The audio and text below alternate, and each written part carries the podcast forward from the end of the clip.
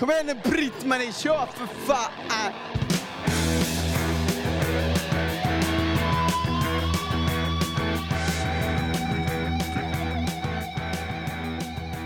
Ja, del två. Hemma hos Daniel Ekeroth här i hans trevliga vardagsrum. Ja. Vi har eh, av, avhandlat eh, uppväxten, Horndal och Fors och New Wave och British Heavy Metal Exakt. eh, med den äran. Ja, verkligen. Oerhört fascinerande. Ja, framförallt alltså du, du är lyckligt lottad har vi insett som liksom, Ja. hade så pass mycket bra musik runt sig så tidigt. Ja, det, det fanns inte så mycket annat där jag växte upp. Det fanns ju ingenting. Det fanns inte ens en restaurang där jag växte upp. Ingen biograf. Det var ju liksom, det var musiken eller ingenting.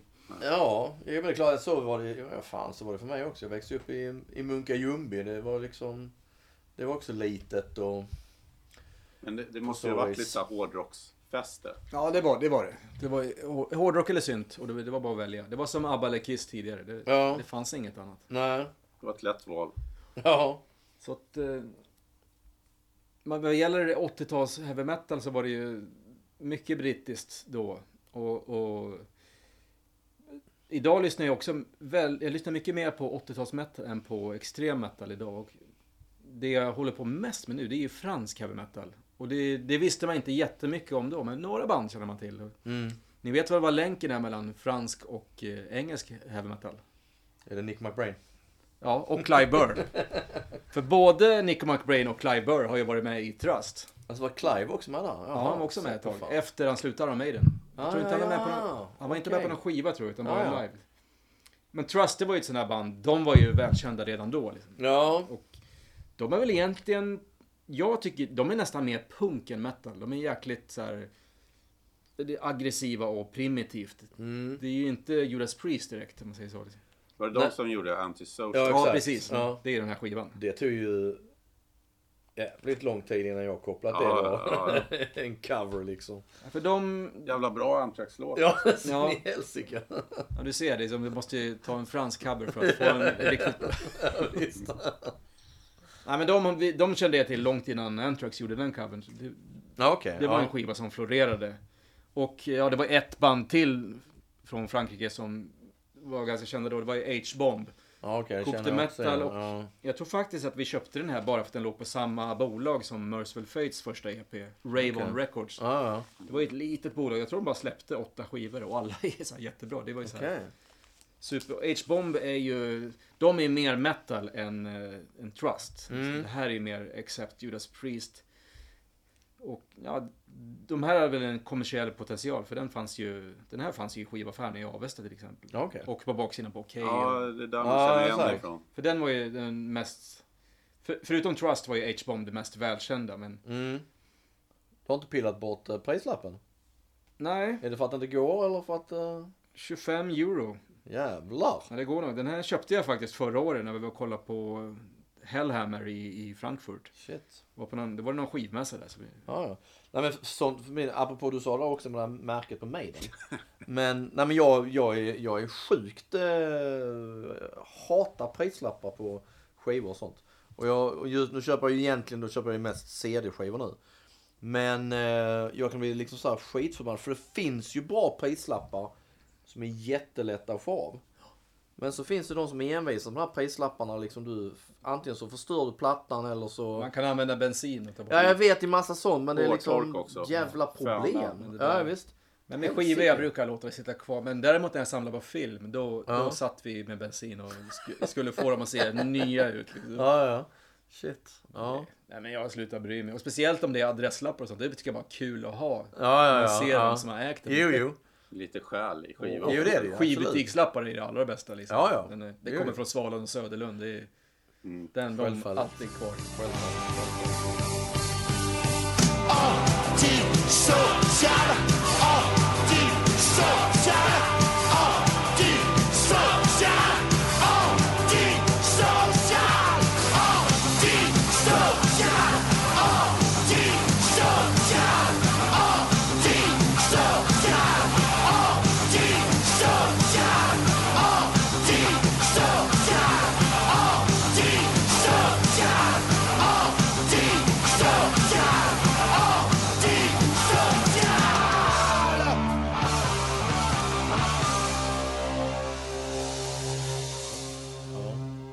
de, två franska banden, eh, Trust och H-Bomb, de var De visst kände man till redan då, men sen, Mm. sen visste inte jag så mycket mer på den tiden. Men nu eh, har ju liksom... De senaste åren har jag verkligen börjat lyssna på fransk heavy metal och den är så, det är så jävla bra band. Alltså, Det, Mm. är, det är den absolut mest underskattade subgenren inom heavy metal från Mm. 80 till 85. Och de här har vi blivit lite omtalade nu som heter Sortilich. Som Mm. de spelade på Muskelrock för två år sedan och de, ja, de, de drar ju, de var jättestora i Frankrike. Och det här, Mm. Den här ligger också på Ravon Records som eh, Merciful Fate och H-Bomb. Och den här skivan är deras första EP, Sortilich. Den är helt fantastisk. Det är liksom Judas Priest. Mm. Det, är, det är samma klass som Judas Priest. Som, det skulle kunna vara Screaming for Vengeance. Mm. Och Det låter som man måste så här, lyssna på det direkt när man kommer hem. Och först, sen är det, vad heter han, han sångaren är gitarristen i Def, Chuck Schuldiner. Ja. Det, det här ska tydligen ha varit hans favoritband. Ah. Och han, han har ju snott intro till första låten på den här. Det är någon gitarrslinga. Det är han Okej. snott till första Def på låten Evil Dead. Aha. Så det är i stort sett samma slinga. Okej. Så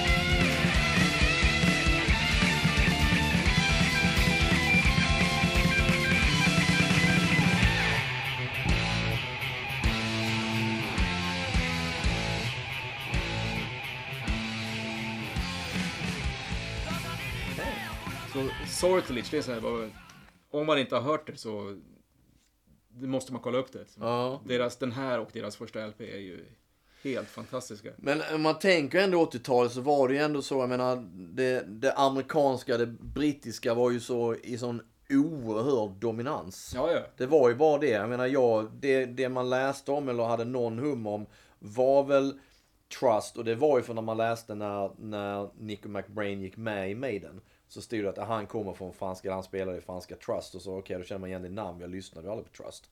Men allt sånt här fanns, plus att jag, jag vet inte, för mig var det liksom bara, det var amerikansk hårdrock och brittisk hårdrock. Frankrike och sånt, skänkte inte en tanke. Tänkte Ja, liksom, det var ju fan. Tyskland då, då väst. Ja, exakt. Tyskland också med Scorpions Accept och alla fanns, ju, det grejer. fanns ju Acid och Ostrogoth, de här belgiska och holländska banden. Nej men det bara fan, jag känner, jag känner mer såhär, fan till fan kan de spela hårdrock liksom. Det, Jo då, det, de var inte så välkända då, men eh, när Nej. man lyssnar tillbaka så är det ju jäkligt bra. Finns det någon fransk hårdrock idag? Som är liksom, Ja, det är ju så här finns det någon Gojira. scen? Gojira Ja. Gojira, men det är exakt, jag älskar Gojira men det är, Jag tror de har mycket. ja. Men jag är inte så intresserad av sånt. Jag, jag vill ju ha det 80-tals heavy metal. Ja, ja, ja, ja, exakt. Och den här skivan, jag tror det var Peter Stjärnvind som tipsade mig om den. Attentat Rock, som är den här skivomslaget, bara det liksom. Det är, Det känner jag faktiskt igen. det är någon eh, gangster som ska sno en bil av någon. Ja. Och det originalet på den här skivan finns ju bara typ 500 ex och det kostar ju tusen, tusentals kronor. Jaha, okej. Det här är någon nypress som kom för några år sedan. Mm. Och det här, Attentat Rock, är ju Frankrikes Thin Lizzy. Mhm. De låter som Thin Lizzy ungefär, lite softare till och med. Men det, det är sån jäkla skön kvalitet liksom, Mm. i känslan. Och så har alla de här franska banden, allihop, har väldigt bra sångare. Som alla är inspirerade av Rob Halford, det hörs. Okej. Så de har det här, och plus att de sjunger på franska då, det får en extra mystisk dimension. Mm. Så jag är som, för mig när jag liksom har grottat ner mig i det här, det är som att man får uppleva 80-tals heavy metal på nytt. Okej. Det är verkligen... Typiskt stjärnvind och droppar. Den här är ju väldigt soft, deras första, den här. Men sen gjorde de en skiva som heter Le Gang de Saguenay. Och den är ju, den är väldigt mycket heavy metal.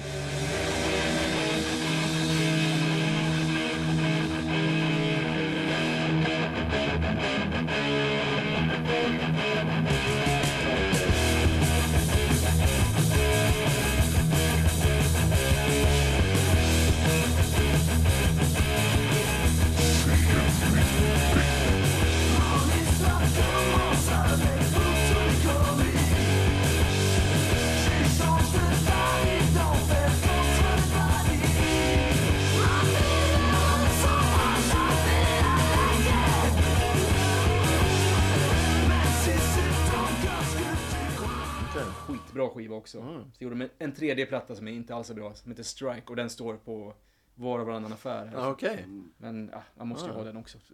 Attentat till rock. Fan. Jag snackade faktiskt med Stjärnvin bara senast igår. Ja, han älskar ju dem och eh, han hade de band som heter Black Trip.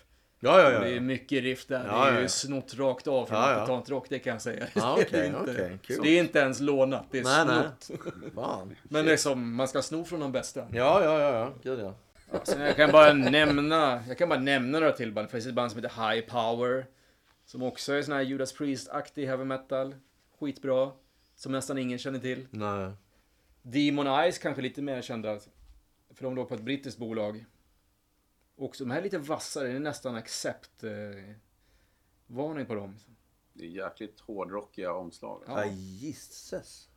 Men jag Men, tror att de, eh, de sjöng på franska de här banden. tar sig ut ur, ut ur skivan. Liksom. Ja. Jag tror det, det faktum att de, att de sjöng på franska, det, det hindrar ju deras eh, liksom, kommersiella potential i andra Mm. länder. Så att de, de, de strandade nog lite tidigt.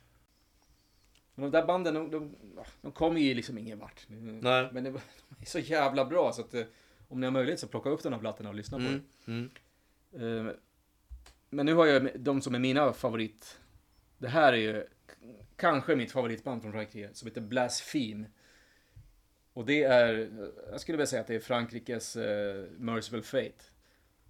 Desir of... Desir Det här är de deras andra skiva, Desir de Vampire. Den första är, halva skivan är jättebra, andra halvan är ganska rockig. Så de har inte riktigt hittat stilen. Mm. Men den här är ju, första låten på den här, Soul. Alltså, det är så jävla bra låt.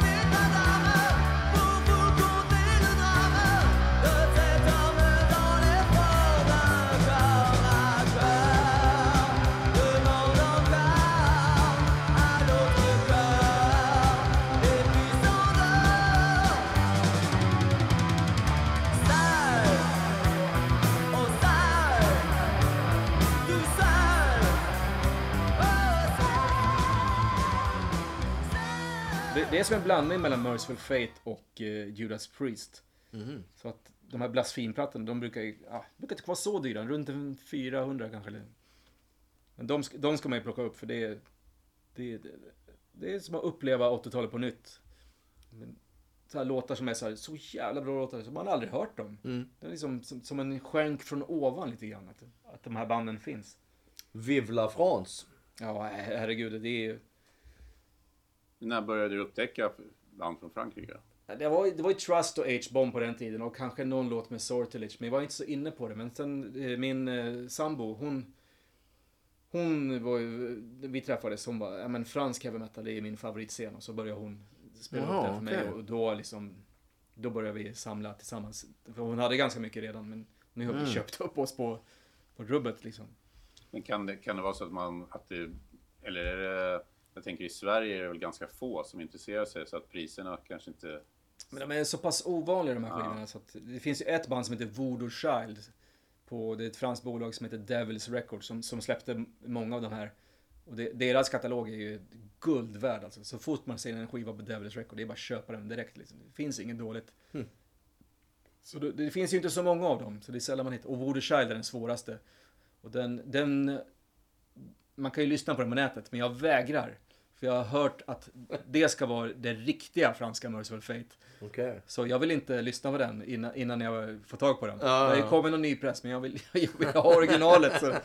Men där, där snackar vi liksom 2000 spänn. Det, ja. Men jag, jag hänger i tills jag får tag på den. Ja. Så det, man, man håller en sån här kaka. För det är lätt att lyssna på allt på Spotify eller YouTube. Men, Absolut, men absolut. jag, jag trivs bäst när jag kan lyssna på, Mm. på en, en vinyl. Liksom. Mm. Ibland måste, som Attentat Rocks första, den går inte att hitta liksom, på original. Så då får man köpa en ny press. Mm. Och den låter bra, så det, det är helt okej. Mm. Och alla de där banden jag nämnt nu, de låter ju väldigt mycket som Judas Priest. Det, det tror jag var... De måste varit... Men det fanns ett annat franskt band... stora i Frankrike. Ja. Det fanns ett annat band som heter Vulcane. Och de låter mer som Motörhead. Så att de, de hade även lite andra band. Okej. De, de, för mig, de är inte lika bra liksom, men det är ändå... De hade även tuffa band så att säga. Men det är konstigt att alla, att så många valde att liksom inte sjunga på engelska. Ja, men Ja. vissa av skivorna kom ju även på engelska. Men de, de låter ju alltid mycket sämre. Ja, ja, Det är ju ja. bara det, för att det franska språket gör någonting med heavy metal som är... Och sen är det... Sista band jag vill nämna från Frankrike, och de drar, drar lite mer åt fresh, eller eh, speed metal kan man säga. Det är ADX. Och alltså, deras första skiva, Execution, är ju... Det här är deras andra i och för sig, ser jag nu. Men deras första skiva, Execution, har en låt som heter De Sud Queen. Och det är, alltså den, den låten är så jävla bra så att man liksom bara, första gången jag hörde den, jag tänkte bara, fan det här är- måste vara med blåsning liksom. Det är så, det liksom, Et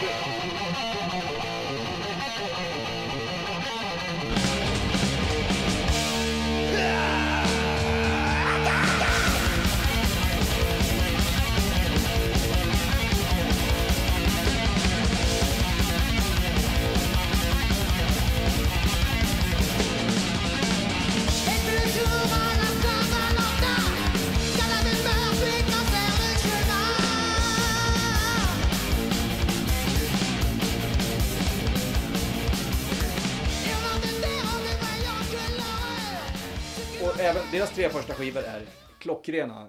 Och Det är liksom, det är inte riktigt trash, det är så här mera speed metal. Det är som Halloween fast ta bort det glada. Okej, Och ja. liksom mer att det är melodi och jävligt hårt och träffsäkert. Så att i, i januari år, då spelade ADX i Paris och vi tog planen ner och kollade på dem. Helt sick. Det var jävligt roligt. Jesus. Men den låten, Deus City Cream, alltså, när man hör den så tänker man, fy fan, hur kunde den här låten passera mig under 80-talet? Liksom, Ja. den, den kom väl 85 första ADX, de var lite efter Ah, ja. Och Trash hade väl kommit så det var liksom, Ja. Fler band kanske skulle ha gjort covers på Ja. franska. ja. Why not? Ja, Jag jag ville bara ta upp det här franska scenen för att jag, jag tycker det, det är en som fler borde upptäcka. För det, den är jävligt högkvalitativ. Jo men det är väl ingenting, det är väl ingenting man läser om. Eh, eh, fransk hårdrock. Alltså och framförallt då som du säger nu 80-talsscenen. Eh, är ju ingenting man direkt... Eh, Ja, den har hamnat i skymundan. ja det har den nog absolut gjort på så vis. Är du en sån här Excel-kille? Du känner bara ett register av skivorna? Jag har aldrig, aldrig, aldrig använt Excel. Nej. Så att, eh, Men du har inget register heller? nej, jag har börjat lägga in nu på Discogs på senare år. Men det är Ja. ju det man har köpt nu. Liksom. Jag har inte de gamla. Nej, nej, så nej. ibland har jag gjort missar och köpt en dubblett. Oj, vad fan hade jag den? Så, Men det, det gör de hamnar där ute i hallen i säljbackarna. Så. Exakt. Ja, ja. ja, vi ska väl lämna Frankrike för att eh, det är ju mer ett... Förutom Trust och H-bomb så är det ju det är något jag upptäckt på senare år. Mm. Det var ju inget jag höll på med då. Men något man däremot höll på med väldigt, väldigt mycket då, det var ju svensk eh, heavy metal och Mm. hårdrock. Och eh, jag tror den, den här var väl den första som man verkligen eh, kom in...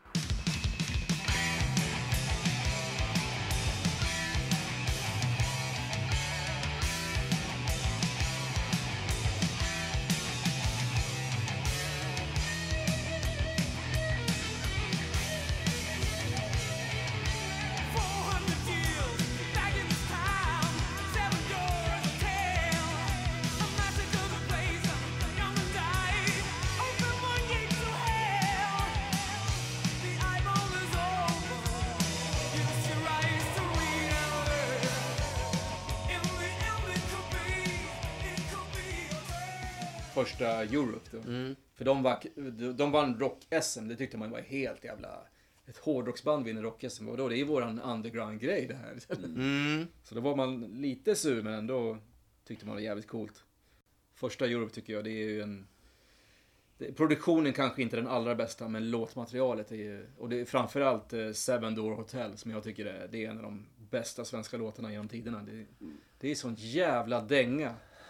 Och sen, man fick reda på ganska tidigt att de hade... Texten är ju tagen från en italiensk skräckfilm som heter The Beyond.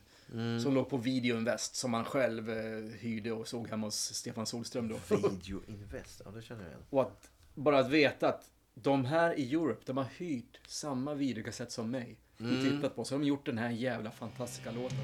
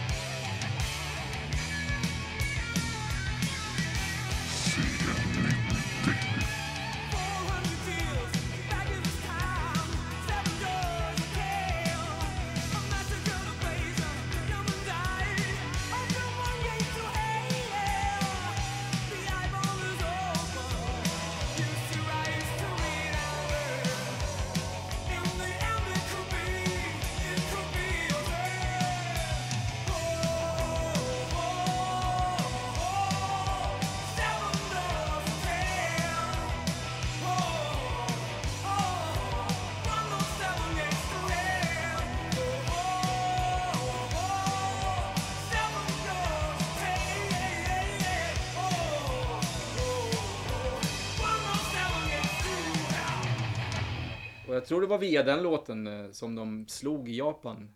Och sen byggde hela sin... Ja okej, Framgång ja. via den. ja. Just det, för de var tidigt stora där va? För den låten passade Japan på något sätt. Den hade väl lite så här mystiska drag. Ja, jag bara finner det så, så fascinerande att, att om det nu är Tempest som har skrivit texten, att han skulle ha... Men där ser man Det liksom känns första, så otempest. första Europe omslaget till första skivan där. li- Lite, där är de lite mer sig själva liksom. Ja, med mm. skinnjackor och Slitna jeans. Långt och hår, lite fjunmustascher. Ja exakt, In, och innan permanenten. Ja, och sen blev de ju ett sånt där äh, Dressman-band liksom med kavaj. Ja men, Ja men sen blev det ju mer amerikanskt får man säga. Det blir ju såna här pretty boys. eh, Men folk avfärdar ju ofta Europe idag, men Mm. två första skivorna tycker jag... Alltså, det är ju... Ja, jag gillar också Wings of Tomorrow. Ja, alltså Scream, Scream of Anger, vad den heter. De har ju de här riktigt hårda låtar då. Mm. Och då var det ju mycket Lizzie och de eh, influenserna och John Norum Jo, trivdes väl bättre då. Ja, säkert, säkert. Han är ju ja. en jävligt duktig gitarrist. Och så Joy Tempest sjunger ju också väldigt bra. Även Kanske för min smak, lite för ren röst. Men Ja. det, nej, för fan de är underskattade de två första. Det, det är ju, för mig, det är heavy metal. Det, Ja. det är jävligt bra. Och det, det roliga är att vi köpte ju den och den här skivan ungefär samtidigt. Liksom. Gula geten. Ja, gula första Baffery då. Mm. Så att, eh, och det var inga konstigheter med det. Vad är det där för pressning då? Nej, det här är en senare. Jag, jag köpte den när den kom, men det, det var ju en vit. Ja, ja. Nej, det var Stefan Solström som köpte den. Och så köpte jag första eh, Celtic Frost, så var det. Okej. Men, eh, ja, sen köpte jag den några år senare. Då var det också vit. Och jag känner inte till den här riktigt. Nej. Och sen, det visade sig sen att det var någon i Avesta som hade fått en gul. Och alla garvade åt honom. Vad fan har du fått för jävla... Vad är det här för jävla bootleg? Och han bara, "Ja, fan jag beställde den med min kompisar. Ja, ja. Så det, det, det gula geten skitsnacket, det har ju kommit långt, långt, Ja, långt, ja, ja. långt, långt senare. Det var ju ingenting som man hade hört talas om. Nej. Men de här, vi fattade inte att de var från Sverige från början. Vi, vi trodde ju att det var ett kanadensiskt band. För att vi tyckte de påminde om första Voivods. Jaha, De är säkert okej. från Kanada. Jag läste inte baksidan. Nej. Jag vet inte varför det vart så, men sen insåg jag mig ganska snabbt. Men de är ju med på Scandinavian Metal Attack. Det Just måste ju det. vara från... Ja. Och sen lärde man sig det. Men första Europe och första Baffer, det var absolut inga konstigheter att ha båda dem på den tiden. Nej, jag minns alltså Bathory Quarton och det minns jag också från sådana reportage i Okej och det är väl där han sprutar eld och allt han gjorde med och det, ja, det var helt, det var så främmande för mig. Han, han, han, jag tycker det är så roligt att han bytte namn till Ace. Ja, just det. Alltså i, i, så här riktigt namnbyte. Mm, mm. Ja, det var väl det som hans vänner kallade honom. Hela Ja. tiden. Ja, nej. Ja, den här gick väl för... eh, var-. Ja, den är väl Förra året gick den tror jag på, det var Tradera, då var det väl 20 tror jag. Ja, det är helt sjukt. För några månader låg det ut, var det någon som var uppe i, den var väl uppe i 17 tror jag. Någonting sånt där. Det, jag kommer ihåg, den hängde på väggen på Mel- Mellotronens skivaffär. där Mm, just det. I, jag tror det var flera år. Mm. För tusen kronor. Man tänkte, vad fan, tusen Okej. spänn för den där. Är du dum i huvudet? Ja. Och idag bara, fan att man inte köpte. Exakt. Och han sålde Scandinavia Metal Attack för 10 spänn. Okej. Och det, det finns en bok om Stockholms skivaffärer. Ja, just det. Då är det en ja. bild från Mellotronen och då, då står ju Scandinavia Metal Attack längst fram i Ja, 10 fasen. backen. Så det är så- det Snyggt. var en annan tid. Fantastiskt trevlig skiva för. När den väl fanns. Men om man går vidare här så att eh, Åh. den svenska skiva som eh, kanske var störst då för oss. Och det var, det var ju exakt då man skulle börja sina första band då i, med klasskompisarna. Då var det ju Yngwie Malmsteen, alltså det är ju väldigt dum referens att ha när man ska starta sina här första band. Att ha Yngwie Malmsteen som utgångspunkten, men det, det var det vi hade. Och Marching Out, ja, första skivan är ju, jag gillar den, men det var ju Marching Out som var heavy metal-plattan, nummer ett liksom. Mm. Och den här skivan tycker jag, den är ju internationell toppklass heavy metal-skiva. Alla låtar är bra. Det är liksom, Och det är ju rätt kul också för det är ju verkligen svenska musiker, bröderna Johansson. För där är ju Ja. Anders Johansson med på trummor. Och sen är ju Marcel Jacob är väl eh, Basist, ja. Ja. Det är bara Jeff Scott Ja. och sångaren Mm. som inte, han är jänkare väl. ja, vi, Ja, var, ja, oh ja. vi var ju helt besatta av Yngwie Malmsteen i, ja, några månader i alla fall. Det var Ja, ju så här- jo, men det var... För tiden gick fort då. Det, Ja. det ändrades på Absolut. ett halvår så kunde musiksmaken ändras helt. Men jag tror det var en jäkligt bra mix där också för att Yngwie var ju Yngwie liksom med sitt gitarrspel och sin Mm. neoklassiska liksom. Eh, eh, och sen var ju bröderna Johansson hade ju mycket så här Rainbow och, och det stuket Mm. i, i, med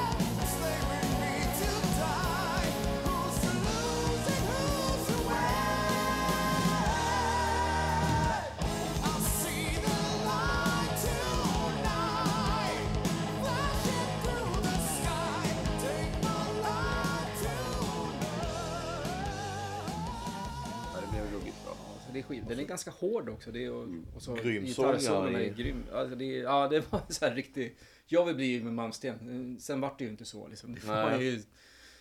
Men det, var, det var ju tur då att den här skivan kom ganska strax efter.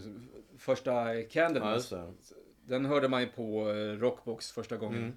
Epicus, Domicus, Ja, Metallicus. Och då kände man ju att men det här kan man ju fan spela liksom. Det- Mm. Det, det här kan vi klara av. Och så gjorde man tio låtar som lät exakt som eh, Crystal Ball och Solitude. Innan man insåg att, än vänta I nu, det här- tonight. Det gick lite långsammare. ja, Exakt. men sen insåg man, ja, för första har vi inte den här fantastiska sångaren då. Nej. Vad heter han? Johan Längqvist som... Just det. Jag accepterade aldrig Messiah. Jag, Nej, nej, jag okej. tyckte alltid att Epicus lät så jävla mycket bättre Ja. än skivorna med honom. Och nu är Johan Lönnqvist tillbaka. Ja, jag Ja, vet. exakt. Det är ju cirkeln är sluten.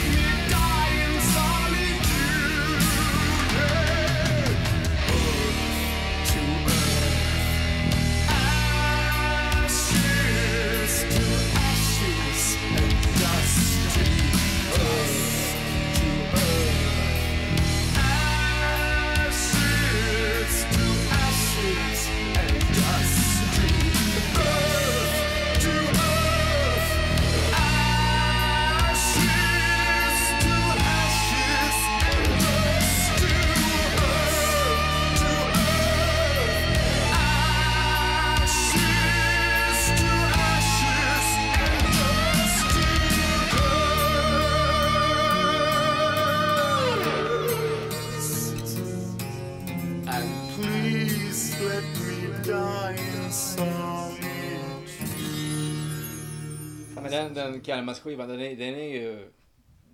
De var ju bäst i världen på det de gjorde. Det var ju också så här ett känsla, fan kan ett svenskt band liksom bara vara, bara vara bäst? Liksom? Och Det fattade man inte då, men det fick ju stort genomslag utomlands. Exakt. Ja.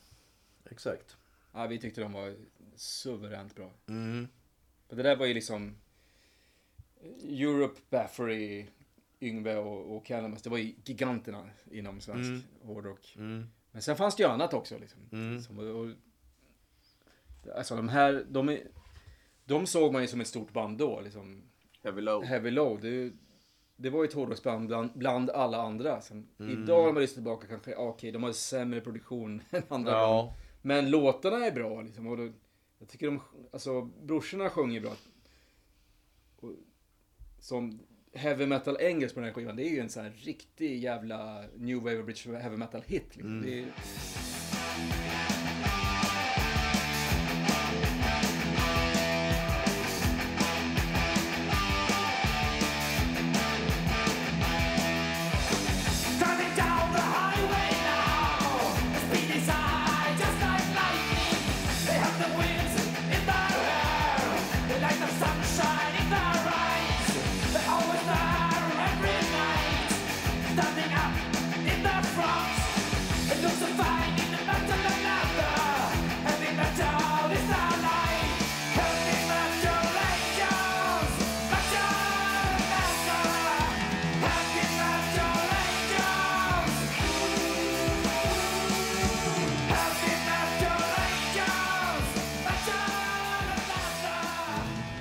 Load har väl gjort kanske lite fel val i karriären, varit lite för obstinata och haft för mycket, de vill ha kontroll själva. Så att de hade kunnat bli större. Och de hade gått in i en riktig studio, tagit eh, turnéerbjudanden som de fick med, spela med Deep Purple som de tackade nej till.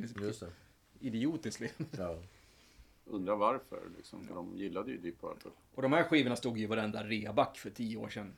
För tio spänn. Nu kostar de ju... Ja, ja visst. Oh, ja. Ska du ha med singel och sånt där, Exakt. Death for Glory som jag kanske tycker är den, bästa. Det, det är en tusenlapp liksom. Ja. Men ja, de har ett riktigt bra feeling och jag... Då, för oss var det, det var liksom Iron Maiden eller Heavy Load. Det var liksom Okej. ungefär samma klass. Jaha. Heavy Load, lite sämre kanske, men fan. Ja, gud. De hade ju, eh, de måste ju ändå ge dem att de var ju ruggigt tidiga också. Den här high, full speed Första kom level. 78 liksom. Ja. Mm. Det, ja, det var ju nästan, det var nästan en del av proggrörelsen då. Som, tillsammans med Neon Rose då, som var Just det. Mm. med hårdrockiga. Ja. Och sen, de var ju på, de var ju med på en massa tv-program, kommer jag ihåg. Här väl. Ja. Något barnprogram och så var de väl med i, vad hette det, Norrsken med Anders Tenger. Mm, just det. Ja, Så att det var ju sådana band som man matades lite med. Jo. Så det tyckte man ju var jävligt coolt. Mm. Och den, den här, det här är ett band som jag tycker varit lite bortglömt, som heter Mindless Sinner. Som är, den här hittade jag för tre kronor på skivhögen där på Tvärgatan till Gö- eller Högbergsgatan då? Ja, Ja. och skiva, den finns ju kvar den skivan. Ja, ja, ja. Det var en guldgruva. Där stod det över tre spänn. Jag hade ingen aning om vad det var, men det, omslaget såg lite coolt ut. Master of Evil och lite så här, ah, lite arty eld eller vad fan det är. Och det här är en riktigt bra, liksom, heavy metal-platta, svensk Okej. liksom. Den där tror jag läst och och kan ha varit i Sweden Rock Magazine som så här bortglömd pärla. Ja, det men det här, det är en bortglömd pärla. Riktigt, sen gjorde de en fullängd efter det. Den är inte riktigt lika bra, men helt okej. Men det är sådana band jag vill lyfta fram. Miley Sinners. Omslaget ser ut som du gjort en powerelev. Den här, för den, för den försvann i min samling, tyvärr. Men sen köpte jag tillbaks den av trummisen i In Solitude.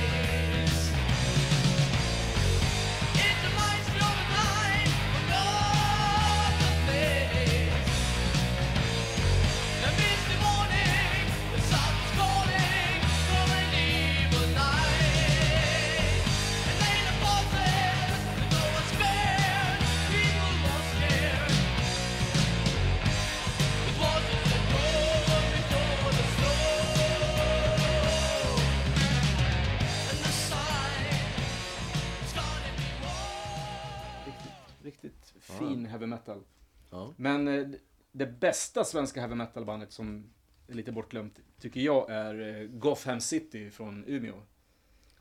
Speciellt de här tidiga, eh, tid, första singeln och den här EPn som kom när de, innan de tog in en riktig sångare. Mm. Det här är ju typ som Holocaust, brittiska ruffig heavy metal med jävligt hög känsla och bra kvalitet på låtarna. Bra inspelat också. Så att, Sen tog de in en sångare, jag kommer inte ihåg vad han heter, men han började sen sjunga med Nocturnal Rights. Heter de. okej. Bra musik, men sång, jag gillar inte hans sång.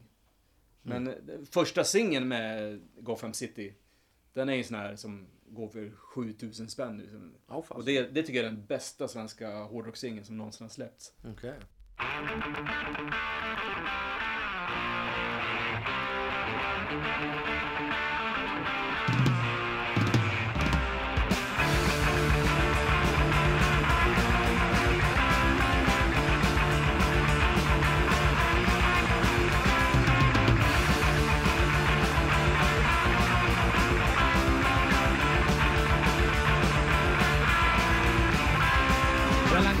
Down to Gotham City where life is fun. I'm looking for a lady who wants me to fool around. The prophecy of life for my 14 inch wheels. Reaching for the glory, I wanna know how it feels.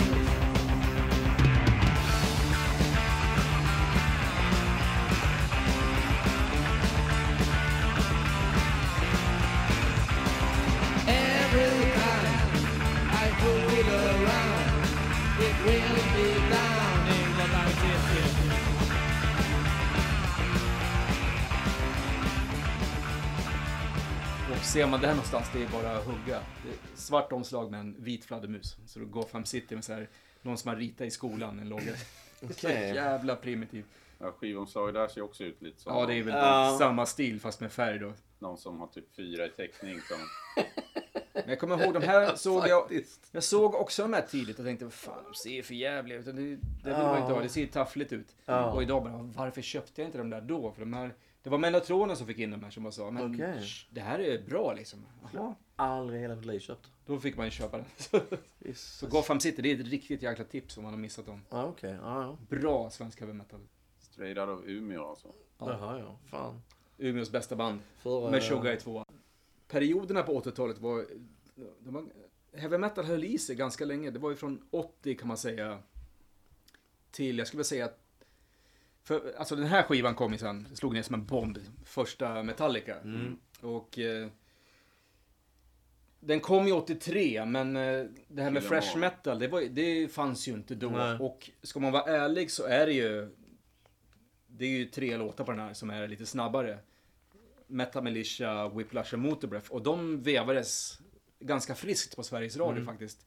För att jag tror mig att det var så här lite freak. Och lyssna på det här, Ja, liksom, nu jäklar. Det är galet. Så Mm. man hörde den och köpte den. Men jag var lite besviken på den här, resten av skivan. Jag tyckte inte det var... Jag ville att alla låtar skulle låta som Whiplash. Ja, ja, Så att resten av skivan är ju mer eller mindre heavy metal. ja. Och det samma sak gäller ju för, för första Slayer. Mm. Mm. Som, den, tyckte, den hörde man inte förrän 84. Die by the Sword där, det är ju riktigt heavy metal. Ja, Mm. för den, den tyckte man... Ja, man tyckte nog den var lite hårdare än Metallica, men fortfarande så var det ju... Det var ju heavy metal. Mm. Det tycker jag ändå. En superbra heavy metal-platta. Mm.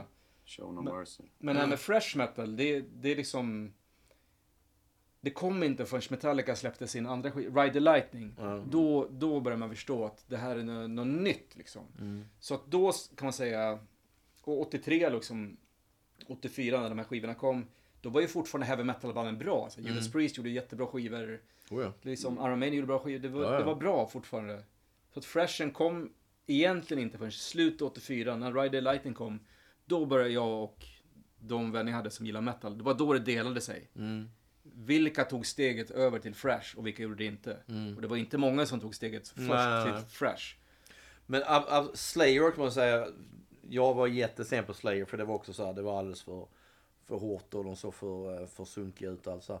Men det som var jätteintressant är att jag har hela tiden haft bilden av Tom Mariah som en... Eh, Nej men ändå som någon form av liksom intellektuell snubbe med huvudet på skaft med, man tänker på hans mellansnack ibland så här så han känns som att, ja men okej. Han vet. Och sen visar sig liksom nu då att hans, hans fru är ju en galen Trump-anhängare. Och liksom, och bara instagrammar, nu har jag inte instagram men jag har en polare som skickar till mig hela tiden. Det är liksom bara såna här galna grejer och Tom Mariah själv likar ju och även delat saker som hon lägger ut. Så det gör bara liksom att, jeez, hela bilden av Tom Mariah har ju bara liksom, Ja, vad fan. ja, man får ignorera sånt där. Ja, ibland blir det svårt. Det är som Ted Nugent. Man, kan man lyssna på de plattorna eller? Ah, nej, ja, nej absolut. Eh, han är för övrigt jävligt rolig att snacka med. Men man, om man bortser från Ja. hans vapen och politik och allt sånt där. Så, Han är ju helt dum i huvudet. Absolut. Men, Men, alltså, fan, den, men han är ju inte, men han, så, han är ju inte dum i huvudet. Alltså han är ju, det är ju en intelligent snubbe. Vad heter den där tv-serien de gjorde när Scott Ian, han och några, Sebastian Bach hade någon- vad var det där jävla Supergroup. Supergroup heter det. Jason. Newsted och allt Alltså när vi kollade på den, vi var ju Ja. tvungna att ta så här andningspauser. Liksom, det är så jävla roligt. Det är den bästa dokusåpan. Ja, den är fantastisk. tiderna. Den är Fy fantastisk. fan vad den är bra. Men Nugent, jag tror liksom, jag tror inte, jag tror, jag tror Nugent är jävligt smart. Han är absolut inte dum. Nej, han är inte Men han har, korkad, han har men helt är... twistade jävla Ja. åsikter alltså. Det är, Ja, men Slayer för oss på den tiden, det var ju så här, de dödar nunnor och äter barn. ja, ja, absolut. Det var oh, ju, ja. Oh, ja. Men det, det var ju ändå inte... Noll källkritik liksom. Freshen kom, alltså det var ju en, den bästa Fresh-skivan förutom Voivod. Det, tycker jag, ja, det, det här är nog den bästa. Exodus, Bonded by Blood.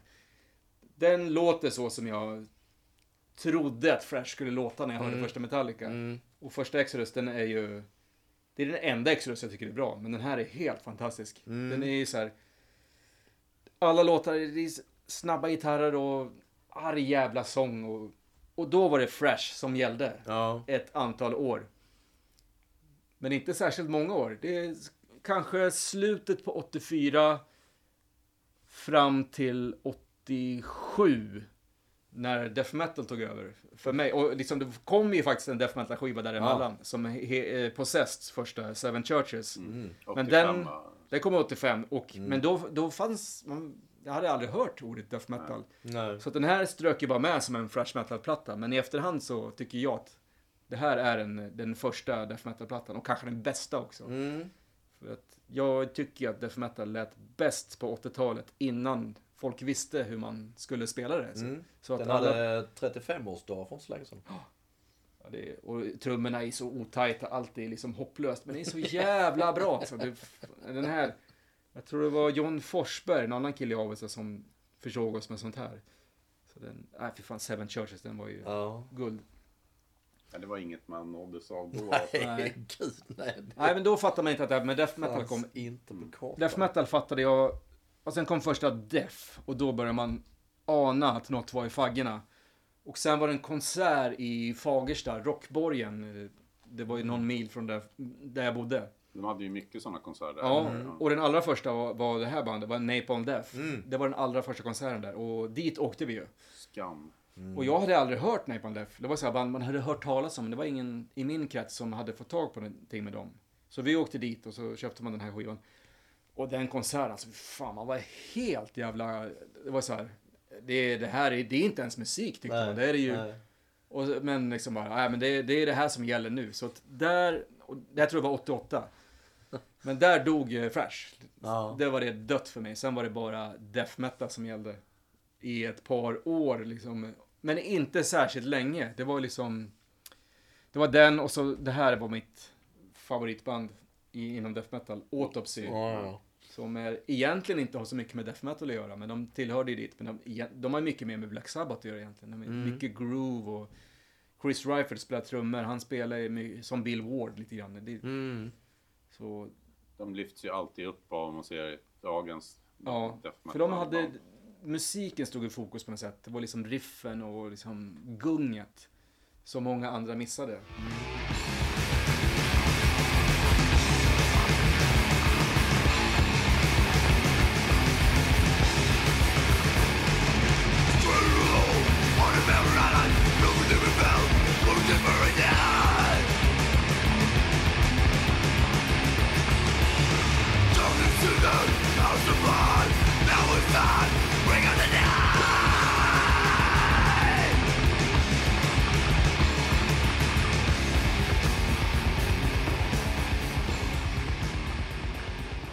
många tror att jag är en death metal-kille som sen, men jag tror faktiskt det var 88 då till 90, det var de åren som jag lyssnade Mm. mycket på det och var inne i det. Sen, sen fortsatte det lite grann, men sen kom 92 kom det här första Bursum med norsk black metal. Ja, ja, ja. Tyvärr var det den första jag lyssnade på. Jag tyckte det var så jävla dålig. Så, så då, och då, det, var, det var andra faktorer. Man hade blivit för gammal, man hade upptäckt Mm. annan musik. Men, eh, men den, den första jag egentligen av svenska death metal så att säga. Jag kom i kontakt med, det var Mephisto. Mm. Som band som bara släppte två demos på den tiden. Och det var via, det, det var på Heavy Sound jag gick dit och så köpte jag ett danskt fanzine. Jag tror det här var slutet av 86 eller början av 87. Då var det ett danskt fanzine som hade kommit som heter Metallic Beast. Och jag köpte den för att det var stor Metallic-artikel. Men eh, sista sidan typ så var det en eh, intervju med ett band från Stockholm som heter Mephisto. Mm. Och liksom den, jag tänkte för helvete, det är ju som ett svenskt band som låter som Slayer. Det, det kan inte vara sant. Så då beställde man den. Nej, vi beställde inte. Vi köpte demon på Heavy Sound också. Och jag och Solström. Så det var liksom in, inkörsporten. Men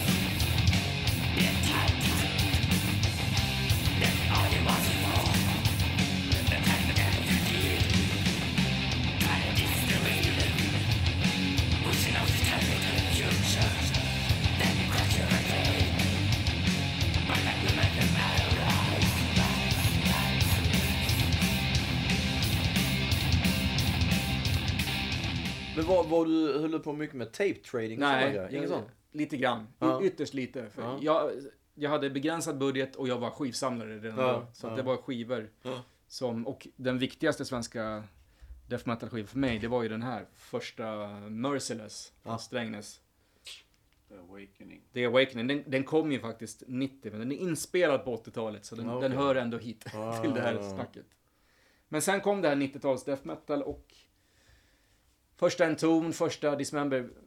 Fantastiska skivor som jag, har lyssnat sönder och samman. Men jag var inte inne i, i det extrema på riktigt längre. Nej. Så fort det vart 90-tal. Och 92 när jag fyllde 20 och den no- norska började komma. Då var jag helt borta och det berodde... Ja, det berodde... Man hade blivit gammal. Man var inte lika... Det här med att bränna kyrkor och sånt, det är ju superextremt. Men jag tyckte inte det då. Jag tyckte, vad fan, Kiss kastar ju knivar på publiken. Och liksom, det gjorde större avtryck Ja. på mig när jag Ja. var 10, att- eller 8, eller 6, 7. Man hörde de storiesna, så jag hade liksom redan gått igenom den fasen. Och även med Venom och man liksom, Mm. Och så kom det igen på något sätt. och Jag var för gammal. Tror jag. Men den största anledningen eh, är att jag hade, min musiksmak hade gått åt helt olika håll då. Så jag hade börjat lyssna på band som Birthday Party, som var Okej. Nick Caves gamla band, Ja. som är en så här slamrig form av blues. Mm. Och det, det hör väl inte riktigt till den här podden, men det var ju ett av mina favoritband då. Mm. Och så ett annat band som heter Einstürzen Neubauten. Oh, Albemensch. industrislammer. Så som jag upptäckte genom Tåström, för han brukade droppa Ja. dem där Ja, han okej. hade sin industriperiod. Det upptäckte jag genom liksom syntare. Polare som var syntare på, på man tänker, det måste ju varit eh, sent 80-tal någonting sånt där. Jag gick i, jag tror man skulle gått i åttan eller nian. Och, eh, och så de som blev man som kallade råsyntare, de som sen Ja, ja. kom in på Agrum och Leibach och Front 242 och sånt där. Så jag lånade hem Einsteins och Neubauten, då var det ju sån här halbe Mensch jag minns. Men det var också så här, jag tror det var för tidigt. Eller li- liksom jag, jag greppade inte det då. Det var liksom, jag skulle nog ha liksom svårt att greppa det idag också på sätt och vis. Men samtidigt var det ju fascinerande på något vis. Att det gick För att mig göra, var göra musik, eller musik som... För det, jag vet att de tyckte att så här, när norsk black metal kom, att det var något nytt och lyfte Mm. metal. Men liksom jag hade upptäckt de här banden, det var ju något helt nytt. Det var Mm. ju mycket mer spännande. Och Band som Big Black, som är Steve Albinis band. Trummaskin och sen gitarrer sönderdistade. Mm. Helt jävla galen musik. Eller Fitus, australiensare som flyttade till New York och började göra helt jävla tokig musik. Okej. Så, och det var jag inne på. Och så hela det här med extremt larmig indiepop med mina favoriter Sonic Youth. Det, så jag var helt inne i det då, liksom i, i början på 90-talet.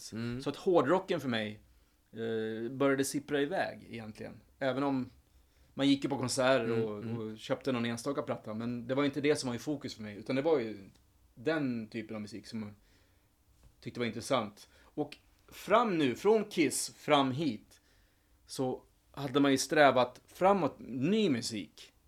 Men i samma veva nu så var det återigen, tror jag var Rockbox, Mm. som spelade ett eh, svenskt band som heter November. Ja, ja. Gammalt eh, hå- eh, hårdrock proggband. Mm. Och då började man gräva sig bakåt också, på riktigt. Även om man hade grävt sig bakåt med Black Sabbath och de där och skaffat. Så var det först nu som en musiksmak på riktigt började gräva sig bakåt.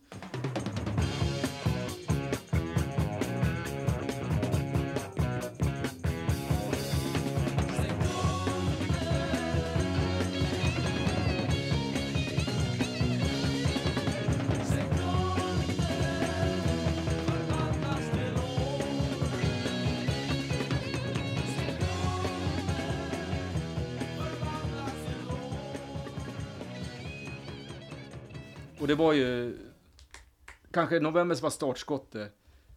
Att man började gå in på progressiv musik. Och titanerna där i- internationellt sett är King Crimson.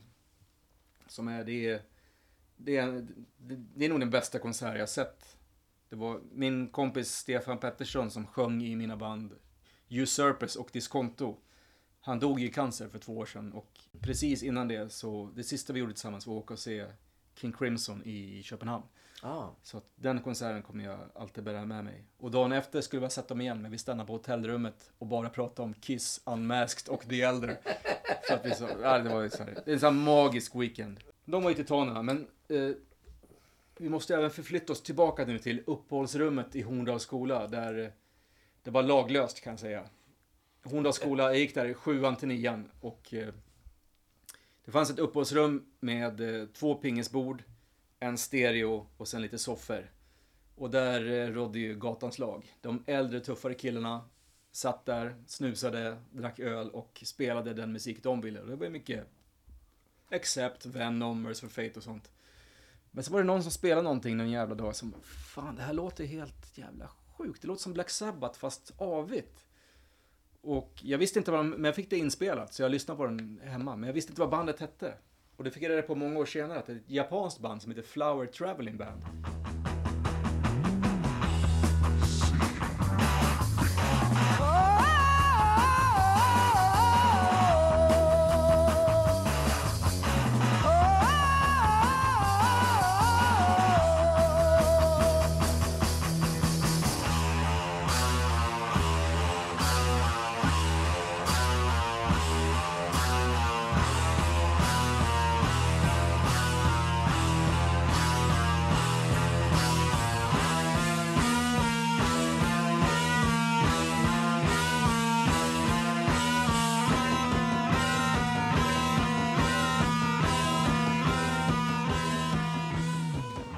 Det här är deras andra. Atlantic. Kom 71 och det här är, tycker jag, vid sidan av första Black Sabbath så är det den bästa skivan från 70-talet. Det är liksom hårdrock och prog i ett. Helt fantastiskt band. Flower Crown, aldrig hört. Nej. Nej, Satori, är deras andra skiva då. För, deras första skiva kom 70 och då är det bland annat en cover på 21st Century Schizo Man med King Crimson och Black Sabbath på Black Sabbath. Så de låg ju jävligt tidigt ute då. Men den här gick då i uppehållsrummet i Hornas skola. Och var en av de här liksom, band som jag lyssnade på i många, många år. Tills, jag tror, tror det var Stefan Dimle på Mellatronen som talade om för mig vad det var för band till sist. Och det, och det här exet som jag har nu, det är det exet som gick i Horndals skola. För han som hade spelat det, han dog för några år sedan. Och det var Ah. killarna i Horndal som fick ärva den. Och Okej. då fick jag ta över den. Snyggt. Det är liksom den här skivan. Det är nog det sista skiva som lämnar Hemnet. Kul. Om det börjar brinna så springer jag ut med den. Jaha. Och då, nu är vi inne på prog då. Och det var i november som startade. Och det var två killar jag gick i skolan med som hette Björn Hildman och Stefan Hildman, brorsor. Som bodde grannar då med bröderna Pontus och Henrik Levan i Horndal. De bodde husen bredvid varandra. Mm. Och vi började ju snöa in på först november då som är... Det är ju hårdrock på svenska helt enkelt. Ja, ja, absolut. Blandning mellan Cream och Black Sabbath skulle Mm. jag säga. Och de var ju väldigt tidiga. Alltså, De var ju, var ju först i Sverige. Liksom. Ja. Och även om man jämför med Sabbath och så, Ja, ja, så det låg var de ju- i fas nästan. Ja. Det var ju Snowy White skulle väl ha börjat med dem när de startade 69 liksom. Ja, det, var ja, ju, ja. det var ju kvalitet i det också. Liksom. ja. Och väldigt unga. Alltså Ja. de gick ju typ i högstadie eller gymnasiet i alla fall vet jag att de gjorde. Ja, ja, säkert kan det vara. Stockholmsband. Och det, det var samma då som det var med fransk heavy metal nu för mig. Att jag var så jävla fascinerad av att jag sjöng på svenska. Och det var hårdrock. Det var inte nationalteater. Det var inte blott, utan det var riktig hårdrock. Så vi vart superinspirerade. Så vi startade ett, först ett november coverband och sen började vi göra egna låtar.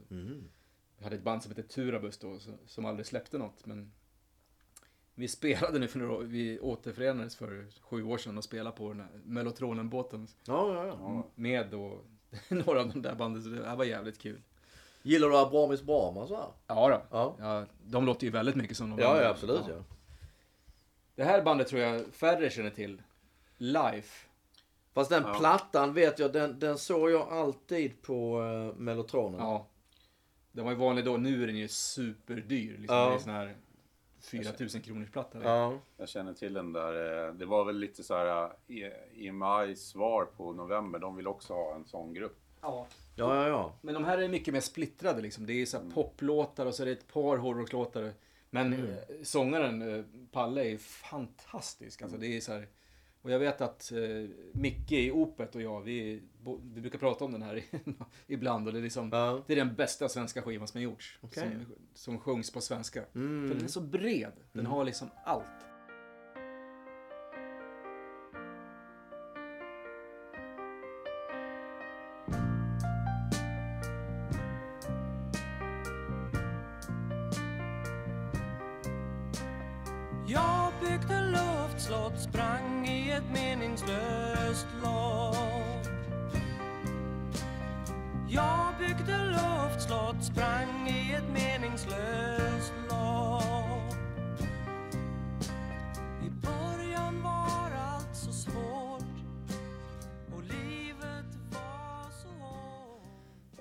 Sagt också att det var det, den skivan som fick honom att göra en Opet-platta nu på svenska. Ja, Ja, ja, ja. Så. Mm. För de, när vi spelade med Turebus på den där båten, då spelade vi Opet också. Och då satt vi ganska berusade någon, någon natt och, och pratade om den här skivan. För då spelade vi med Turebus och då körde vi fyra låtar på den här skivan. Och då kom sångaren från Life som var på båten upp och sjöng med oss. Det var ju så här. Okej, kul. Det är ett av de största ögonblicken i, i livet. Ja, ja, ja. De gjorde ju bara den skivan. Ja, också. då så gjorde de en singel och sen... Och om man snackar om november så ja, ja. Det är inte lika många som känner till den här, men det är ju liksom Saga som är skivan Christer Stålbrand gjorde efter november. Mm. Den Det här är är lite lite förvirrande att de heter Saga. Ja, som det man- Folk har inte fattat riktigt. Det Nej. Men den här är ju... Jag tycker nog den här är bättre än någon novemberplatta. Den är också lite bredare, har lite mer flummiga låtar. Mm. Sen har ett par så här riktiga hårdrocksdängor. Och väldigt bra sång. Och. Väldigt fin skiva. Finstämd. Ja. som, och den, här, den svenska proggen, det finns ju det finns ju mängder med band och skivor. Men det är just de här som drar åt hårdrockshållet som, som man vill åt. Liksom. Men proggen som så, är inte det liksom någonting ändå som man, Man, som man, man ser, ser ner lite på då? Ja, alltså inte alltså- för mycket jävla vänsterflum? Alltså bilden bland gemene man. Att, att liksom... man blandar ju ihop det. Det blev ju konstigt i Sverige liksom, för att du hade proggen som rörelse. Om Exakt. Ser, liksom, med, Exakt. Politisk och... Ja, och hela den grejen. Och Mm. sen den progressiva musiken. Mm. Som, det, det hade ju egentligen ingenting. Nej. Och i nej. andra länder så var ju progg, det var ju en musikrörelse. Jo. I Sverige vart det ju en politisk rörelse. Exakt. Men det fanns ju de band. Och det, de här var väl kanske ledande 30-åriga Ja, kriget. Ja. Som är, ju- jag vet inte vad det är, en blandning av Deep Purple och Yes eller något Mm, sånt där. Som mm. Extremt hård och driven bas och Mm. knepiga låtar och en sångare som låter som Ian Gillan. Mm. Så det, Det är väldigt så här, otroligt långa låtar ju. ja, Så. och så här, utflippade solopartier och de, de, de är lite svåra för mig att spela på den tiden. Så vi, vi, vi tog oss inte an dem, men vi gillar dem. Ja. Däremot de här, Rågerryggen, det var ju ett riktigt coolt band. De hade lite tramstext, det var inget politiskt alls. Utan det var, Råg i ryggen, säger det brallan. men de har ju en riktig jävla hårdrocksfeeling. Ja. Den här kom väl 75 tror jag den kom. Den, den, de är inte alls lika kända som November. Nej. Men eh, de, den här skivan, den, den har ett par riktiga hits. Det finns en låt som heter Jan Banan som är så här. Mm, ja. Ja. Den, den sitter som en smäck liksom. Säg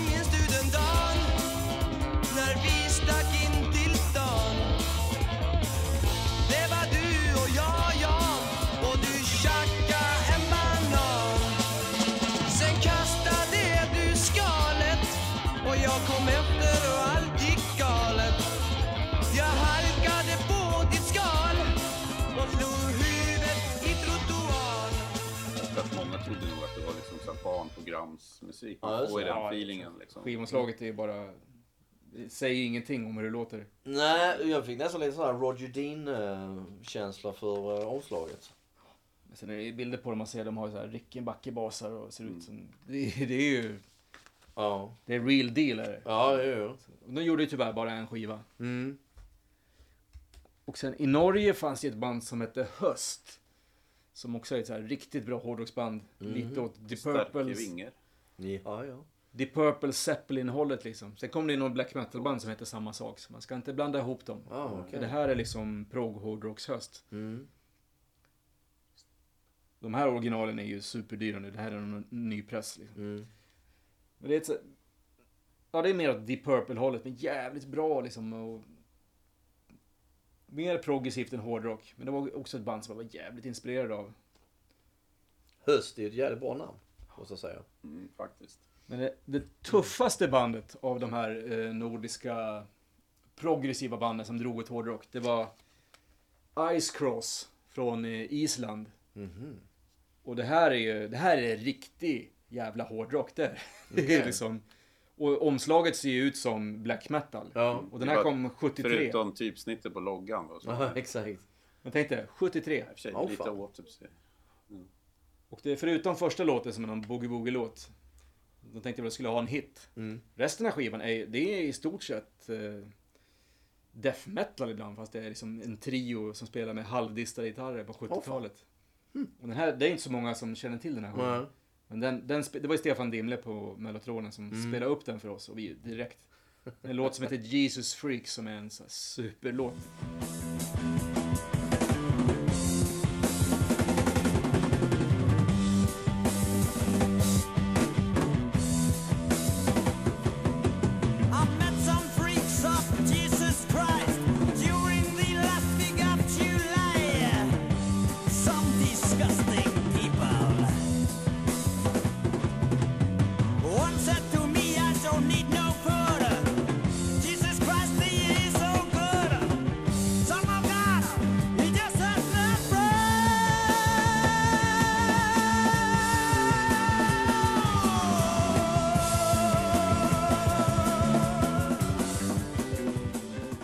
Körde vi cover på från scratch. Ja, fan. Och den spelade vi också på den här Mellotro, eh, Mellotronbåten till Ja. Riga.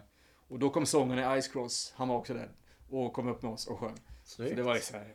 Och, och han, eh, nu när folk hyllar folk som dör hela tiden på Facebook. Sångaren i Ice Cross, han dog för någon månad sedan här. Okej. Ingen jävla hyllat honom. Nej, exakt. Alltså, jag vill hylla honom nu. Ja. Vi hyllar om Axel, vi-. Den här, den här skivan betydde extremt mycket för oss. Okej. Och den, den är så jävla hård och tuff. Och Aldrig talat om. 73 liksom. Det är Ice Cross. Ja, det är starkt. Ja. Vad heter den? Heter den First LP? First LP, en Ja. Only LP. Så gjorde Axel en eh, soloskiva på samma bolag, Ice Cross Records. Som eh, mycket mer 60-talspop. Men det finns en låt där som låter jävligt mycket som Scorpions. Så det, Okej. den är skitbra. Ja. Nej men det... Det där var ju liksom den prog-hårdrock. Det var det jag gick in på istället för eh, Mm. eh, modern black och death metal egentligen. Efter 92. Och det var ju typ då hela 90-talet eller som det satt i eller? För din del? Ja, sen började jag spela med eh, Disconto, ett eh, råpunkband då i Uppsala. Och eh, ja, började även spela med Della Morte då i Avesta som var ju Mm. death metal-aktigt band. Mm. Så att eh, då, man köpte ju vissa plattor, metal, som Entombed Wolverine Blues tyckte jag var en fantastisk skiva, kanske deras bästa. Mm. Och At the Gates, Slaughter of the Soul, Dissection the Zombie, det kommer ju här guldkorn som man plockade samtidigt som man då höll på med Mm. sånt här. Och då Nick Cave och Neil Young och allt sånt som man hade snöat in på. Ja, men jag tänkte det, alltså bredda, har du breddat ut dig så att du kanske, om man tänker då den perioden som du nämner med birthday party och allt det här. Breddade du ut dig till liksom andra musikgenrer? Ja, definitivt. Men äh, det stora var ju då att jag tyckte, när, när CDn kom och LP slutades göra, då, då tappade jag intresset för att samla skivor. Okej. För jag, jag har aldrig köpt CD, jag tycker inte om det. Nej. Jag vill ha LP. Och Mm. sen började, som första dissection kom inte ens på LP. Liksom. Nej. Så Då, då började man liksom, ah fan. Då började jag samla på film istället. På VHS-kassetter. Ja, ja, ja. Det var mycket roligare. Mm. Och för det påminde mig om att man gick på jakt på loppisar och sånt och skulle hitta saker. Och, Mm. och man visste inte riktigt vad som fanns. Liksom. Det, Om man kunde göra fynd liksom. Ja. Ja, fynd eller bara gissningar som man hört talas om en regissör och så hittar man någon film med honom. Kommer man hem, ja det var någon barnfilm, skitsamma. Liksom. Man, det kostar inte så mycket. Mm. Nej. Och, så, och då var det ju filmsamlare istället för skivsamlare. Mm. Från, vad ska man säga, 94 och framåt. Mm. Så tog filmen överhanden. Och så lyssnade man på musik. Men det var ju, då lyssnade jag på mina gamla plattor. Och så köpte jag Ja, ja. begagnade skivor som jag saknade. Det kostade ju ingenting. Då. Nej. 30 spänn styck för vad som helst. Just det. Och mycket då Mellotronen, det var ju, Mm. det var, tog ju över från Heavy Sound som den viktigaste skivaffären för mig Mm. i alla fall. Stefan Dimles. eh, Ja, Stefan Dimle, jag kan inte tacka nog för allt han har gett mig. Liksom. Mm. Och vi, vi hade Turabus, vi lärde känna honom tror jag. Vi, vi var ute och spelade lite grann med Turabus och då hade han ett band som hette Landberg. Jag tror det var så vi träffades på någon, vi hade en spelning i Borlänge eller sånt där. Och så fanns ett band som hette Änglagård och ett som hette Anekdoten som också Ja, spelade, spelade med. Ja, det var ett bra band. De Mm. tycker jag är superbra. Mm. Så att det, var, det var, blev mer och mer film då. Och, och eh, köpte skivor sporadiskt. Nu, nu är jag tillbaka i skivor. Ingen film, för idag går det inte att hitta VHS längre. Har du sparat alla VHS? nej, jag sålde, jag sålde det faktiskt för att trycka boken. Mm. Death Metal-boken. Ah. Så att eh, man kan inte ha allt här i världen. Nej, det tar ju sin jävla plats också, VHS. Ja. Ja, jag hade ju som mest eh, mellan 3 och 5 tusen och det var ju... Och då är det en mindre lägenhet än det här. Jesus. Men när var du började jobba med boken då, Swedish Death Metal?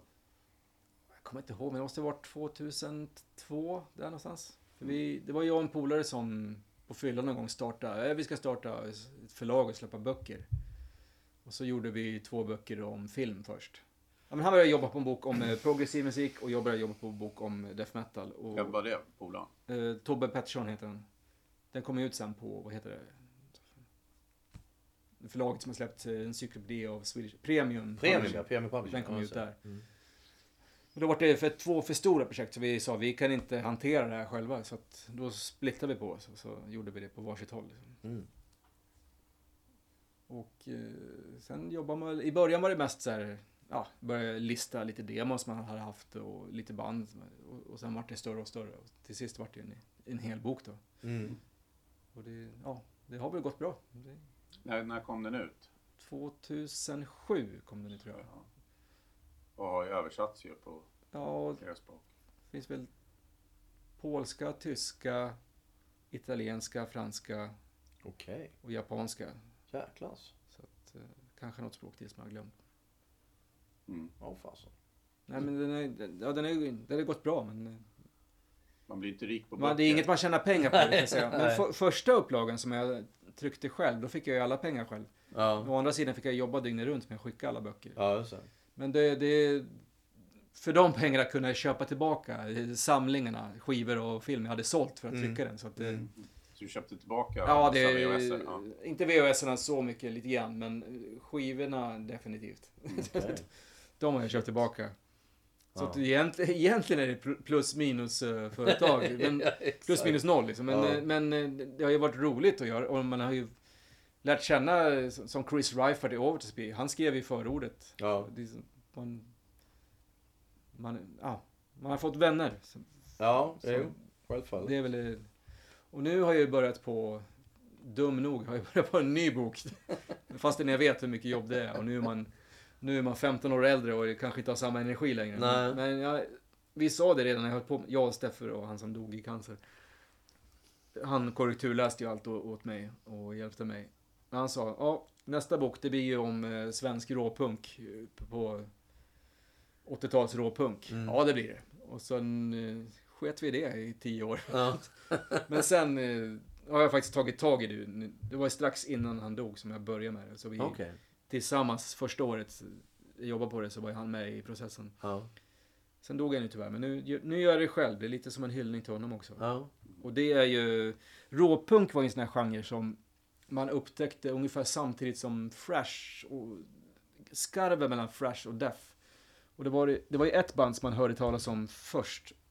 Och det var Dead Kennedys. Mm. Det var ju här band som man, de sålde t-shirts på marknaden i Avesta och sånt. Mm. Och så hörde man ju Kill the Poor och Holiday in Cambodia. Det var, Mm. här, det var ju välkända låtar. Absolut. Och vi tyckte ju att det är, det är nästan hårdrock. Så, så det var ju accepterat. Och Mm. Ja. så, då gick man ju lite vidare där med Husky, du var ett annat band vi lyssnade på. Som lite poppigare nästan, men, men ändå så här stenhårda. Och man var inne, men det bandet som blev viktigast för en, det var, det var Discharge. Det, från England. Ja. För det var ju, det var ju hårdare än hårdrock. Ja. Man, liksom, man vart nästan förbannad när man hörde det. Vad fan, det är ju det är som Motörhead fast liksom ännu brutalare. Mm.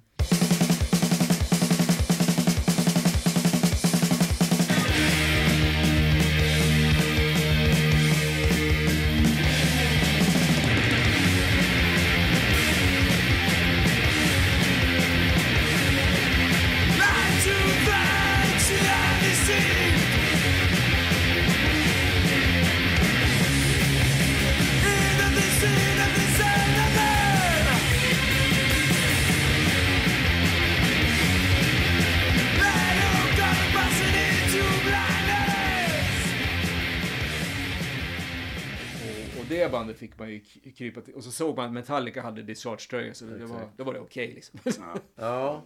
Så sen kom man in på det och när man började spela band själv, då var det ju snarare eh, Discharge, eller band, svenskt band som Asta Kask som man liksom... Ja, ja. Det, var ju, det kan vi göra någonting av. Ja, liksom, ja. Yngwie Malmsteen, det går inte liksom. Nej. Nej. Så då blev det mycket Nej. så. Men Asta Kask, kan man... eh, Kan det räknas som råpunk eller? Ja, det är, de är ett gränsfall, men de var så tidiga, så de var ju först egentligen. Så att, Mm. eh, Och de kallar sig för råpunk då, ibland, eller punk. Det var ju så Mm. här, det, det fanns inga riktiga genrebenämningar. Men de tillhörde det li- lilla gänget i början som bara var ett fåtal band. Plus att sångarna och gitarristen Asta Kask hade ju en studio där i stort sett alla svenska rockpunkband åkte och spelade in. Mhm. Så han var ju liksom en, en superviktig del av eh, rörelsen. Mm. Sen folk idag som lyssnar på stenhård punk tycker Asta Kask det är bara trall, det är liksom värdelöst. Men det, så var det inte då. De var ju Mm. Asta Kask och Anticimex, man, man kunde gilla båda utan problem.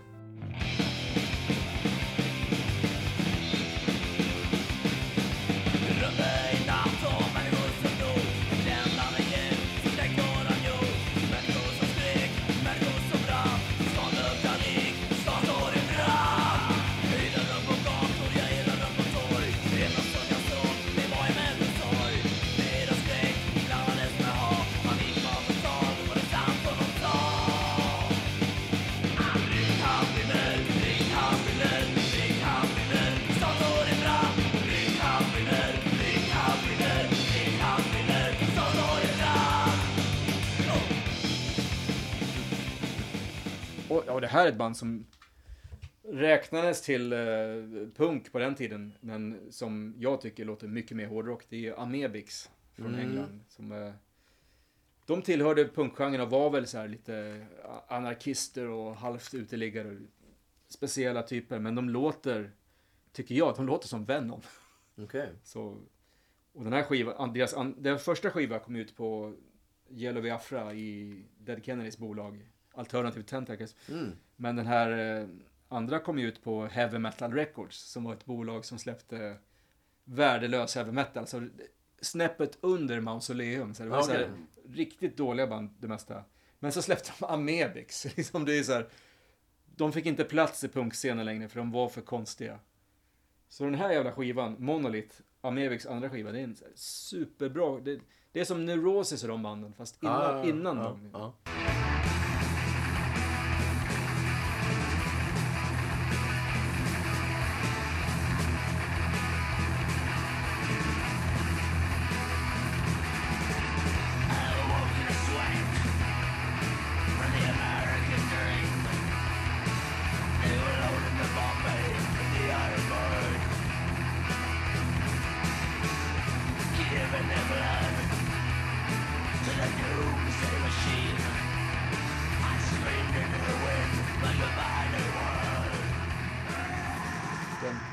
Väl inte egentligen till råpunk.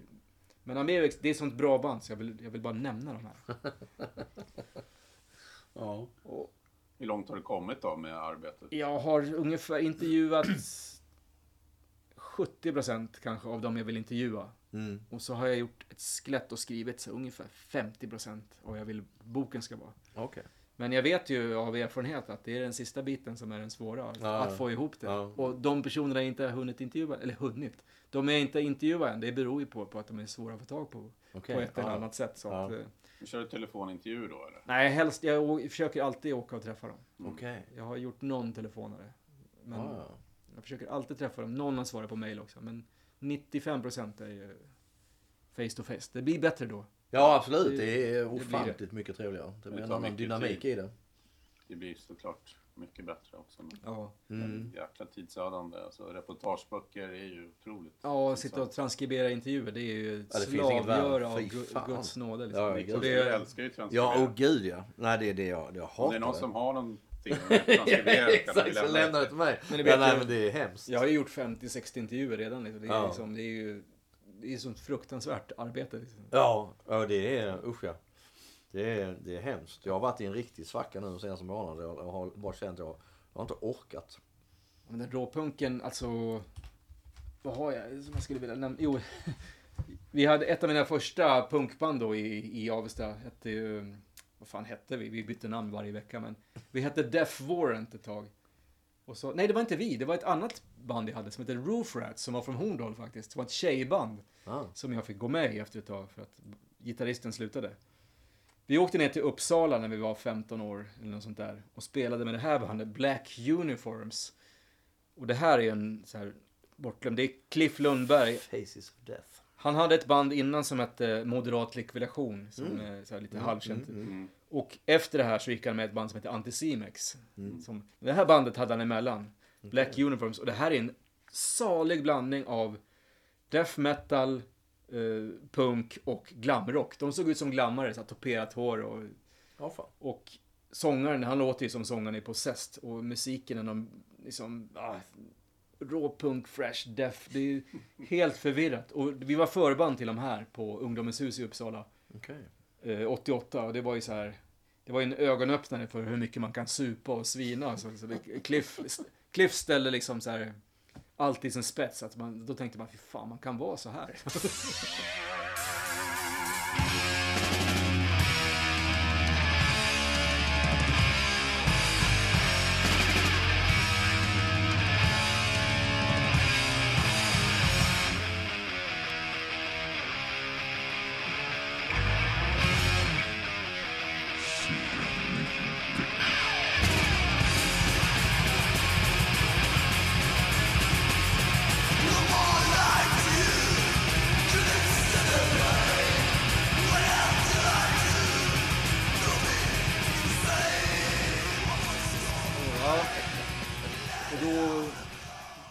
väl inne i den här punken också. Och jag gick mycket punkspel. Jag såg ut som en punkare ett tag. Jag hade, jag hade så här våfflat, toperat hår och man, man visste inte riktigt vad man var där. När, det- när det började bli extremt så liksom började, det var då det började splittras. Och även då jag började lyssna på Birthday Party och Noi. Allt som var extremt och konstigt började bli bra på något sätt. Ska bara nämna sist här, eftersom jag håller på med min jävla råpunkbok. Mm. De, de svenska banden som jag tycker man ska lyssna på, som inte är de här vanliga antisemi. Missbrukarna. De, det var det första bandet jag hörde, det var när jag flyttade till eh, Avesta. Då fick jag någon, det var någon storebrorsan till Staffan Dickfors, tror jag det var i min klass. Hans brorsa lyssnade på punk. Och han hade en låt som hette Du är inte du med Missbrukarna som han spelade in från radion och sånt där. Superhit. Och det var, jag, i efterhand har jag förstått att det var den sve- första svenska råpunksingen.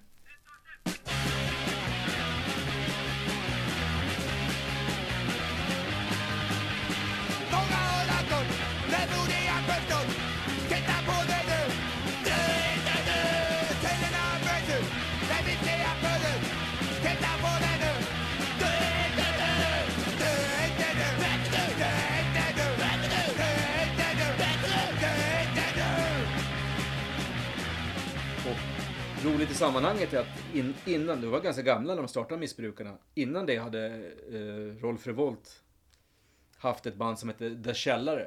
Som enligt mina efterforskningar verkar ha varit det första svenska punkbandet överhuvudtaget. Det var långt innan jag var grön i de här banden. Okej. Och de hade liksom, de hade sett en bild på Ramones tror jag det var. Och sa, ja ah, men det där ska vi också göra. och så, vad är punk? Ja men de har ju järnkors och vi har en låt som heter Sig High. så att eh, Rolf Revolt i Missbrukarna. Rolf Revolt är ju ett fantastiskt... eh, Ja, från Hudiksvall. det är helt underbart. Och där, från Hudiksvall är också det jag tycker är det allra bästa svenska råpunkbandet, Totalitär. Okej. Ja. De är superinfluerade av missbrukarna fast har tagit det till en hårdare ja. nivå liksom.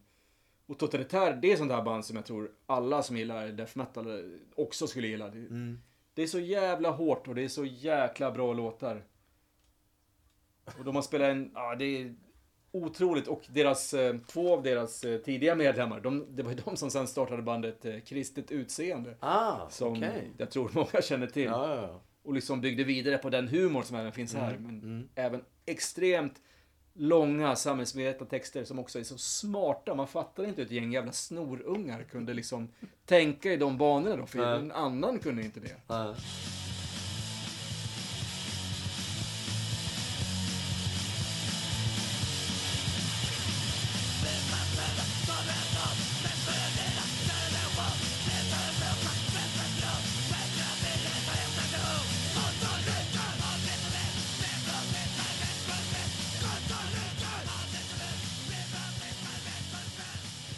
De två, Missbrukarna och eh, Totalitär från Hudiksvall.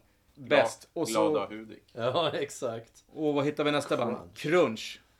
Då får vi gå upp. Nu kommer inte jag ihåg om de, de är från, är de från Örnsköldsvik eller från Man ser omslaget Timrå tror jag de är från. Ja, okej. Jo, de är från Timrå. utanför Sundsvall.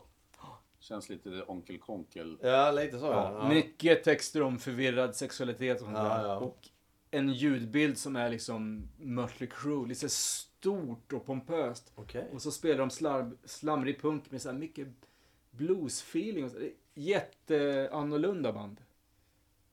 Crunch var också så här, jag såg live tidigt och var helt jävla knockad. Jag Okej. trodde inte det fanns musik som det. Nej. Crunch, Totalitär och Missbrukarna. Det, det är de tre banden jag uppmanar folk att eh, lyssna på. För sen, sen finns det ju band som Anticimex och Shitlickers och Mob 47 som är välkända och väldigt eh, hårda. Mm. Men de här... är- Och, och ett band till som jag har glömt. Det är No Security från Eskilstuna. Okej. Otroligt bra band som... Ja, även mycket, de har mycket hårdrock i sin feeling också. För fyrtakts inton och break och grejer. Fantastiska låtar. Och en fantastisk sångare i Harry Menti. Som senare spelade gitarr i Kent. Ja, just det. Ja, ja, ja. Jag tyckte jag kände igen namnet. Ja, men Kent är hans näst bästa band. För No Security är det bästa. Snyggt. Och Ja, där, så- nu har vi tagit oss igenom hela backen här. Ja. Nu har vi bara hyllan kvar. Och... Exakt. Kan Exakt. ni stanna en månad? Fasan. Ja. Nej, men det är väl dags att runda av och säga stort tack Daniel Ja. Ekerot för att du ville vara med i Zenit-podden. Det var jätteintressant att höra. Ja, tack Ja, verkligen. Jag och, eh, oerhört fascinerad. Och lycka till med, med boken om svensk råpunk. Ja, det blir ett par års eh, jobb till, minst. Ja. Ja. Ja, tack, tack för oss då säger vi. Ja, absolut. Tack som fan. Ja, tack själva.